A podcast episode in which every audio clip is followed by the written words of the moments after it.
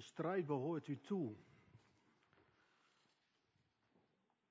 Als ik van tevoren had geweten dat we dit lied aan de voorkant hadden gezongen, dan was mijn preek een stuk makkelijker geweest om voor te bereiden. Eigenlijk is dat eh, de antwoord op hetgeen ook wat we uh, gaan lezen zo ook met elkaar. En ik moet zeggen, uh,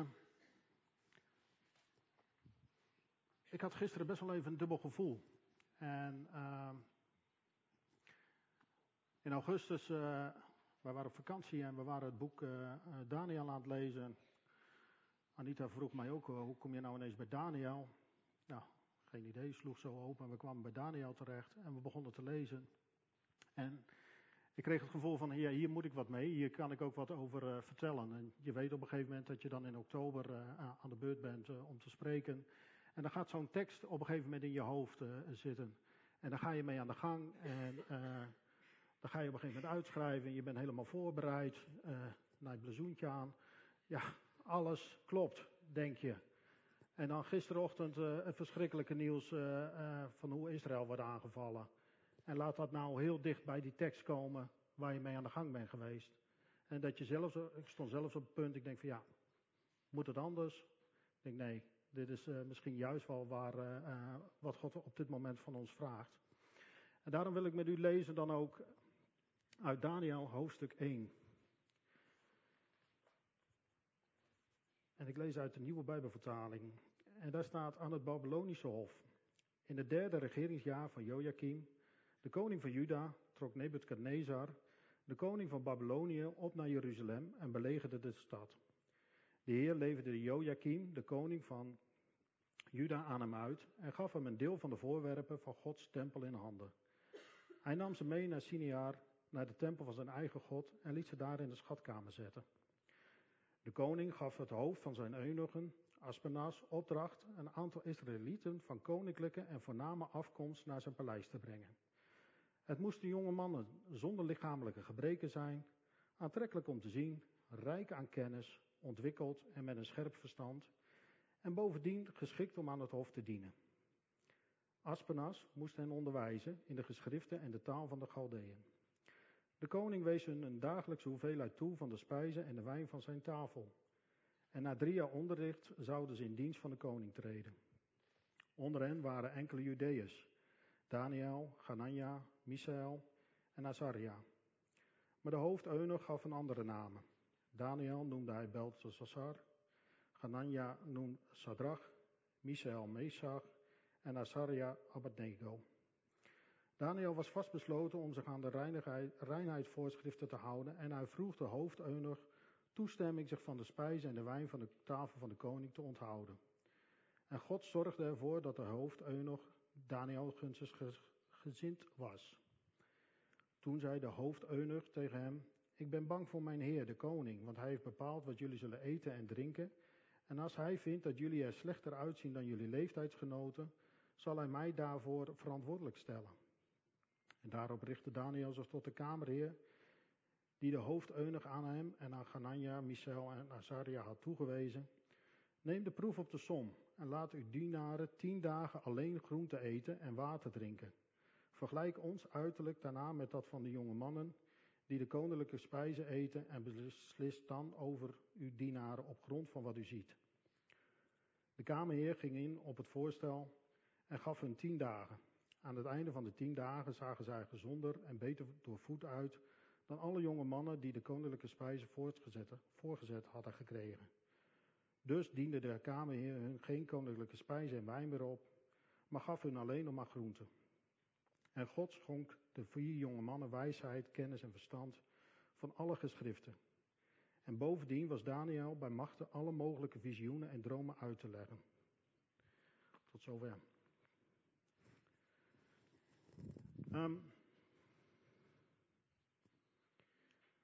ik weet niet hoe het bij u is, maar als Daniel uh, leest, dan komen er altijd wel wat vragen naar boven. Uh, het is wel een bijzonder boek natuurlijk. Uh, en ik denk het eerste waar je wenkbrauwen bij optrekken als je hoort van Daniel is van hoe kan iemand in een leeuwenkuil zitten en dat gewoon overleven. De laatste keer dat ik het geprobeerd heb, ben ik er heel snel weer uitgegaan. Um, maar nou lezen we aan het begin dat God zelf Joachim uitleverde aan de koning van Babylonië. En hij gaf hem daarnaast ook nog gewoon een deel van die tempelschatten mee. Nou, eigenlijk wel heel bijzonder. Dat laat zien dat of God is een heel gul persoon, of hij doet toch iets wat wij voor ons niet logisch is. Het is een beetje raar, hè? Het is alsof je hoofdbewaker bent van het, uh, het museum, het Rijksmuseum in, uh, in Amsterdam. En je staat daar en op een, uh, een zondagochtend wordt er op de deur geklopt. En Willem Holleder staat daar buiten met een paar van zijn compagnons. En die, die komt de nachtwacht halen. En het is alsof je dan zegt van nou, kom maar binnen. Ik zal je nog even rondleiden. Er zijn nog een paar andere leuke stukken ook waar je misschien wat aan hebt. Wil je nog een bakje koffie? Ja, uh, en zal ik even een karretje halen, want dat is wat makkelijker om te tillen. Ja, dan kunnen we samen even, ik, ik kan je wel helpen om naar buiten te brengen. In plaats van eigenlijk te zeggen van, weet je, ik bel de politie en uh, dit moet even opgelost worden. Dus ja, hoe dan? Wat doet, wat doet God eigenlijk? God levert op dat moment Joachim uit. Eigenlijk iets wat niet logisch is. En waarvan wij denken van, hè, zou dat nou moeten gebeuren? Zou dat niet anders moeten? En dan het tweede gedeelte van deze tekst, wat mij in ieder geval opvalt. De selectie die er wordt uh, gemaakt. En nou, we zijn toch een gemeente die altijd zit en staat. Mag ik u vragen, wil u eens gaan staan, zover dat mogelijk is? En we gaan eens even kijken of we die selectie ook kunnen maken. Als je niet kunt gaan staan, dan uh, geen probleem, dan hoorde u sowieso niet bij de selectie. Uh, het gaat in eerste instantie om jonge mannen. Als je jonge man bent, mag je blijven staan en anders mag je gaan zitten. Nou ja. Nou beginnen een paar al te twijfelen. Hè. Hoor ik daar nou wel bij, hoor ik daar niet bij? Mag ik jong van geest zijn hoor. Uh, ontwikkeld. Nou, blijven er nog aardig wat staan. Uh. Rijk aan kennis.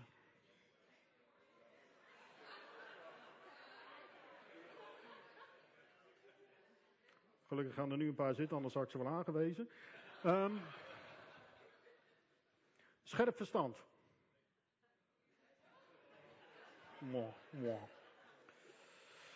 Um, je moet koffie kunnen schenken. Maar er blijven ook nog wel een paar staan. Geen lichamelijke gebreken.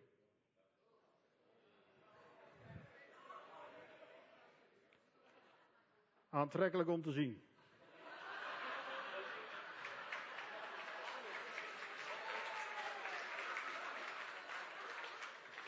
Oh, blijf maar even staan, jullie beiden. Veldman, je bent nog niet klaar. De laatste bescheidenheid. Mag ik u voorstellen, het nieuwe koffieteam?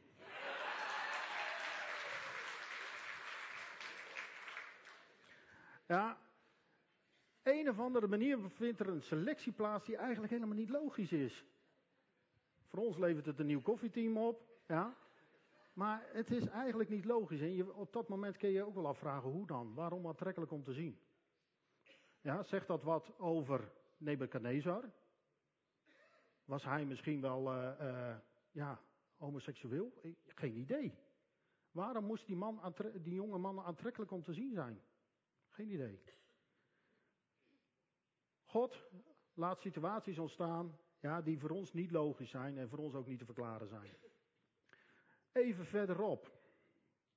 Ik weet niet of het opgevallen, maar Daniel eet alleen maar groente en water. En daarmee gaat het hartstikke goed.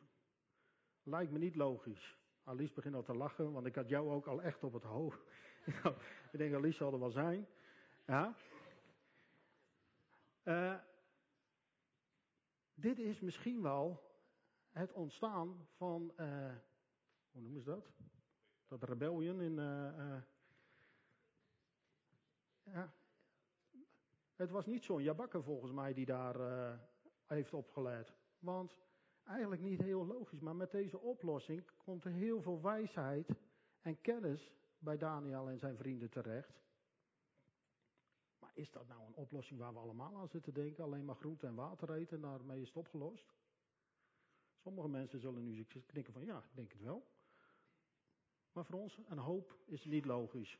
Ik zou het in ieder geval niet logisch, ik zou het ook niet graag willen. Ja, dat is wat anders. dat is mijn wil inderdaad, klopt. Um, maar laat Gods wil inderdaad geschieden. Dus, maar eh, soms lijkt het alsof er zaken gebeuren die we niet begrijpen. En dan stellen we ons heel vaak de vraag, hoe dan? En hoe is het dan voor mij? Hoe is het voor jullie? Gisteren zagen we uh, de beelden op televisie. En denken we van, hoe kan dat nou? Hoe kan dat nou dat er zo'n massale operatie plaatsvindt en dat Israël, God, daar op geen enkele manier dit heeft zien aankomen? Hoe dan? Op Netflix staat er een serie over een Israëlische uh, geheime dienst. Dan krijg je een beetje inkijk van hoe die wereld daar uh, in elkaar steekt. En denk je, ja, het is toch niet mogelijk dat dat onopgemerkt uh, heeft plaatsgevonden. En als God overal bij is, waarom heeft hij dan die signalen niet afgegeven? Ja, en dat wil niet zeggen dat het Gods keuze is, maar ik denk wel van, ja, wat gebeurt daar? Wat, wat, ik snap hem niet. Het, logica is voor mij daar wel een beetje in weg. Maar het zijn ook andere situaties. Dit, dit is ver van ons huis. Uh, we zien ook christenen vervolgd worden in landen waarvan we denken die mensen zijn zo hard bezig om hun geloof uh, te delen met anderen en toch worden ze vervolgd. Hoe dan? Maar misschien ook wat dichterbij. We hebben vanmorgen kinderen hier opgedragen. En misschien had je zelf wel een kinderwens of heb je een kinderwens. En zie je mensen eh, bij jou in de buurt, in de straat, die echt leven van God los. En de ene kleine naar de andere kleine krijgen. En denk je van, hoe kan dat? Waar, waarom, waarom ik niet? Hoe dan? Of misschien heeft die andere wel de baan gekregen die jij graag zou willen hebben. Of heeft die andere wel juist die relatie? Uh, krijg jij elke keer de rekening die je niet kan gebruiken? Terwijl die andere, die komt weer aan en zegt, oh, ik heb weer een mazzeltje gehad. Ja, of uh, is druk bezig met allerlei klussen daarnaast. Hoe dan? En als we hier naar buiten kijken, ik heb er nu geen zicht op, maar als jullie allemaal je blik naar links toewerpen, ja, dan zie je daar een grote partij aarde liggen. Dat is omdat de hele buurt hier zo'n beetje versterkt en vernieuwd wordt. Dit gebouw, Gods gebouw, staat in het midden ervan. En nou ja, met een paar plaatjes tegen het plafond aan is dit gebouw stevig. Hoe dan? Andere gebouwen hier, net nieuw neergezet, worden stilgezet. En dat kan ook bij jullie thuis zijn. Hoe dan? Hoe kan dat dan? Wat, wat maakt het dan het logische? Je wordt er bijna moedeloos van. Moeten we niet doen. Ja, want we zijn hier bij elkaar en dat gebouw is maar even bijzaak. Ja, maar God laat wel dingen gebeuren die in onze ogen niet logisch zijn. En misschien komt er ook wel een situatie waar je zelf in zit, uh, in de zin van, uh, misschien ben je wel eens in een groep van mensen terechtgekomen waarvan je denkt van ja, hoe kom ik hier nou terecht? Ik denk dat we allemaal de vacatureteksten wel eens bekeken hebben als je een nieuwe baan zocht. Daar staan nooit de vruchten van de geest in. Of de vrucht van de geest. Er wordt niet gevraagd of je vergevingsgezind bent, of je gul bent, of je gelooft. Alleen de tekst bij Henk hoor, die hebben we wel, uh, uh, hebben we wel zo opgesteld. Maar ik ben net nog van baan veranderd. Er heeft niemand mij gevraagd: Goh, ben je vriendelijk? Ben je gul? Ben je aardig? Ben je vergevingsgezind? Zachtmoedig? Ja, dat vraagt niemand. Maar dat zijn wel juist de dingen waar ik mijn eigen, uh, ja, wil mee laten zien. En toch kom je dan in bepaalde posities terecht, bepaalde uh, situaties, waarin wel dingen van je gevraagd worden. Waarin dingen uh, ja, die passen bij jou uh, zich moeten laten zien. En soms is het ook heel moeilijk om dat vast te houden. Het is niet altijd mogelijk om dat te doen. Ik denk dat we dat allemaal hebben. En dan denk je wel eens van, ja, waar is God? Waarom heeft u mij hier geplaatst? Was het niet veel makkelijker geweest als? Dit is toch niet logisch? Hoe dan? En net als Daniel kom je misschien ook wel voor uitdagingen te staan. Hoe vaak gebeurt het niet dat je in een groep met mensen zit en iedereen heeft het over die andere persoon? En jij zit daartussen en jij wil dat juist niet. En het wordt bijna ongemakkelijk als je het niet doet. Als je gaat doen datgene wat aan jou is gevraagd. Wat je zondags hebt gehoord, wat je hebt gelezen in de Bijbel. Die oplossingen die God aandraagt. Ja, hoe jij zou moeten leven. Dat wordt soms heel ongemakkelijk. Misschien ben je wel gevraagd door een arts om bepaalde dingen te laten staan of meer te bewegen. Of uh, ja, noem maar op. En dan weet je, je zou het moeten doen, maar die oplossing, die zo makkelijk lijkt, die God ons aandraagt, die is helemaal niet zo makkelijk. We lopen best wel met wat eh, vraagstukken hier rond binnen de gemeente. Ethische vraagstukken, praktische vraagstukken. En dan denk ik wel eens van, was het niet veel makkelijker geweest als die Bijbel gewoon een pasklaar antwoord had gehad? Wat dat betreft is uh, dat eh, AI, Artificial Intelligence, veel makkelijker. Daar zeg je gewoon, ik wil dat en dat zien. En dan komt het daar op die manier uit. Je zou bijna zeggen van, schrijf die Bijbel met deze antwoorden erin. En ik kan je vertellen, binnen vijf eh, seconden heb je een nieuwe Bijbel geschreven met precies de antwoorden zoals jij hem wil hebben. Met alle oplossingen. Maar zo werkt het niet. Want wij hebben te maken met een Bijbel zoals die is. Zoals Gods woord uh, aan ons gegeven is. Maar we hebben geen pasklaar antwoord. En dat zou toch veel logischer zijn geweest. We ons de vraag ook niet elke keer te stellen, hoe dan? Dus waarom gebeuren dingen zoals ze gebeuren? En waarom is vaak niet logisch? En ik kan jullie nu gelukkig vertellen, daar gaan we vandaag ook niet achter komen. Als dat zo zou zijn, als ik daar het antwoord op had gehad, dan had ik waarschijnlijk eh, de komende 365 eh, dagen in het jaar overal spreekbeurten gehad. Maar die heb ik niet, hoef ik ook niet, wil ik ook niet. Want dat antwoord is er niet. Er gebeuren dingen in ons leven, er gebeuren uh, er ontstaan situaties doordat bepaalde mensen keuzes maken, doordat God bepaalde keuzes heeft gemaakt. En die gebeuren binnen ons gezin, die gebeuren buiten uh, ons gezin, hier in deze gemeente, die gebeuren in onze wereld. En waarom dat altijd gebeurt, dat weten we niet. We weten alleen dat God daarbij is. En we mogen daarop vertrouwen ja, dat Hij daar is en dat Hij doet datgene wat Hij voor ogen heeft. Afgelopen week waren we met uh, Laura Dijkhuizen in gesprek. En uh,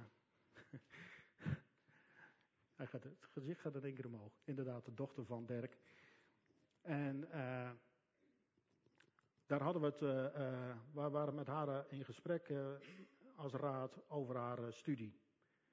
En ehm, wat wel heel interessant was, wat zij noemde. Ze zei van, in de Bijbel zie je dat aan de hand van de eerste vijf hoofdstukken de volken daarna vervolgens op pad gingen en allerlei dingen deden. Maar je ziet ook continu de verwarring die er bij elk volk, elke leider uh, was over wat moeten we nou precies doen. Het was continu een worsteling. Er was nooit een pasklaar antwoord. En ook op het moment toen Jezus hier naar de aarde kwam, op het moment dat hij rondliep, was de verwarring onder zijn discipelen. Maar ook toen hij daarna weg was bij de eerste gemeentes, was er nog continu een worsteling van hoe moeten wij het nu doen? Je zou verwachten dat hij, hè, hij bracht de antwoorden, dat het toen allemaal heel duidelijk was. Dat was het niet. Die worsteling is misschien wel het enige logische wat we hebben. En dat enige logische wat misschien ook goed is. Want die worsteling die zorgt er ook voor dat we bezig blijven met God. Dat we bezig blijven om onze aandacht op Hem gericht te houden. Maar dan kan het best zijn dat als je je ergens bevindt en het voor jou niet duidelijk is, dat je je onzeker gaat voelen. Logisch. Want je komt wel, uh, ja, je bent kwetsbaar. En je staat daar, als ik hier zo sta, dan, dan gaat me ook niet altijd even makkelijk af. Ik sta vanmorgen ook, uh, ik vertelde al even over die worsteling die ik had met hetgene wat gisteren gebeurde. En dan staat dan niet er tegen mij, ja, ja, maar je gaat dit doen, je gaat zo doen, je gaat dat doen. Ja, volgende keer zet ik haar hier neer. Doet Henk ook hoor, trouwens. Je zit Jeske hier ook neer. ja. Dus zo, dat is eigenlijk gewoon heel bijbels. Nee. um, nee, maar die, worst, die, worsteling, die hebben we allemaal. We komen allemaal in situaties uh, terecht. En dat wil niet altijd zeggen dat je dan even makkelijk is. Je weet dat God erbij is. En maar af en toe vliegt die schrik je ook wel aan. Ik kan u uh, verzekeren dat ondanks alle uh, goede bedoelingen, alle woorden die ze hebben gelezen, alle, hoe dicht ze ook bij God leven in Israël, hoe dicht ze ook bij elkaar staan, dat daar op dit moment ook wel een stukje verwarring is. En dat daar een stukje worsteling is. En ik kan me heel goed voorstellen dat ze nu wel af en toe even de vraag stellen van God, waar bent u? Zeker op het moment als je daar je, eh, je dierbaren op straat ziet liggen dan komt het wel even heel dichtbij om uh, ook te zeggen van ja, maar ik vertrouw op God. En dan is dat best wel een worsteling. En toch, Daniel, laten we, die kwam ook in een hele bijzondere situatie terecht. Dat zal ook niet heel vriendelijk zijn gegaan toen eh, Nebukadnezar optrok naar Syrië. Dat zal ook niet gegaan zijn van, goh, kom je leuk op mijn gezellig feestje. Ga je mee? Nee, die werd meegenomen. Die werd uit zijn kring weggehaald. Die werd weggetrokken. Die werd in een vijandige omgeving neergezet. En wat zien we? Want we wist, hij wist op een gegeven moment wat de, de straf kon zijn. Elke keer vertrouwt hij op God. Laat hij zien. Zo van ja, weet je, ik weet het misschien niet. Ik, ik heb geen idee hoe het uh, af gaat lopen. Maar ik hou me aan datgene wat God van me gevraagd heeft. Ook al is het alleen maar groente en water uh, tot je nemen. Dus ook als wij uitdagingen de komende tijd tegen gaan komen. En die ga, je, ga hij tegenkomen. Dan moeten we misschien ook gewoon een stap in vertrouwen nemen. En hoe vaker wij het ons zelf zeggen, hoe meer dat tussen je hoofd gaat zitten. Hoe meer dat in je, uh, tussen je oren gaat zitten. Hoe vaker je jezelf, tegen jezelf zegt, op het moment, als het mij niet lukt, stel ik mijn vertrouwen op God. Welke situatie ik mij ook in bevind, ik stel mijn vertrouwen op God. Toen ik uh, onlangs in een hele lastige situatie uh, kwam te zitten, stuurde Henk mij een Bijbeltekst vanuit Filippenzen. En daar staat, laat de Heer uw vreugde blijven. Ik zeg u nogmaals, wees altijd verheugd. Laat iedereen u kennen als vriendelijke mensen. De Heer is nabij. Wees over niets bezorgd, maar vraag in alle omstandigheden aan God wat u nodig hebt. En dank Hem in uw gebeden. Dan zal de vrede van God, die alle verstand te boven gaat, uw hart en gedachten in Christus Jezus bewaren. Als je, als hier nu staat dat de vrede van God, die alle verstand te boven gaat, onze harten en gedachten in Christus Jezus bewaren, dan moeten wij niet op zoek gaan naar een antwoord, dan moeten we het in vertrouwen bij Hem neerleggen. En als wij het zout der aarde willen zijn, dan moeten wij de mensen om ons heen laten zien, niet wie we zijn, maar dat wij onze vertrouwen, in welke situatie we ook stellen, eh, zitten, hoe moeilijk dat ook is, altijd op God stellen. Daar zullen wij naar moeten leven. En op die manier kunnen wij laten zien, zo van ja, het is niet makkelijk, maar we stellen ons vertrouwen op God. Amen.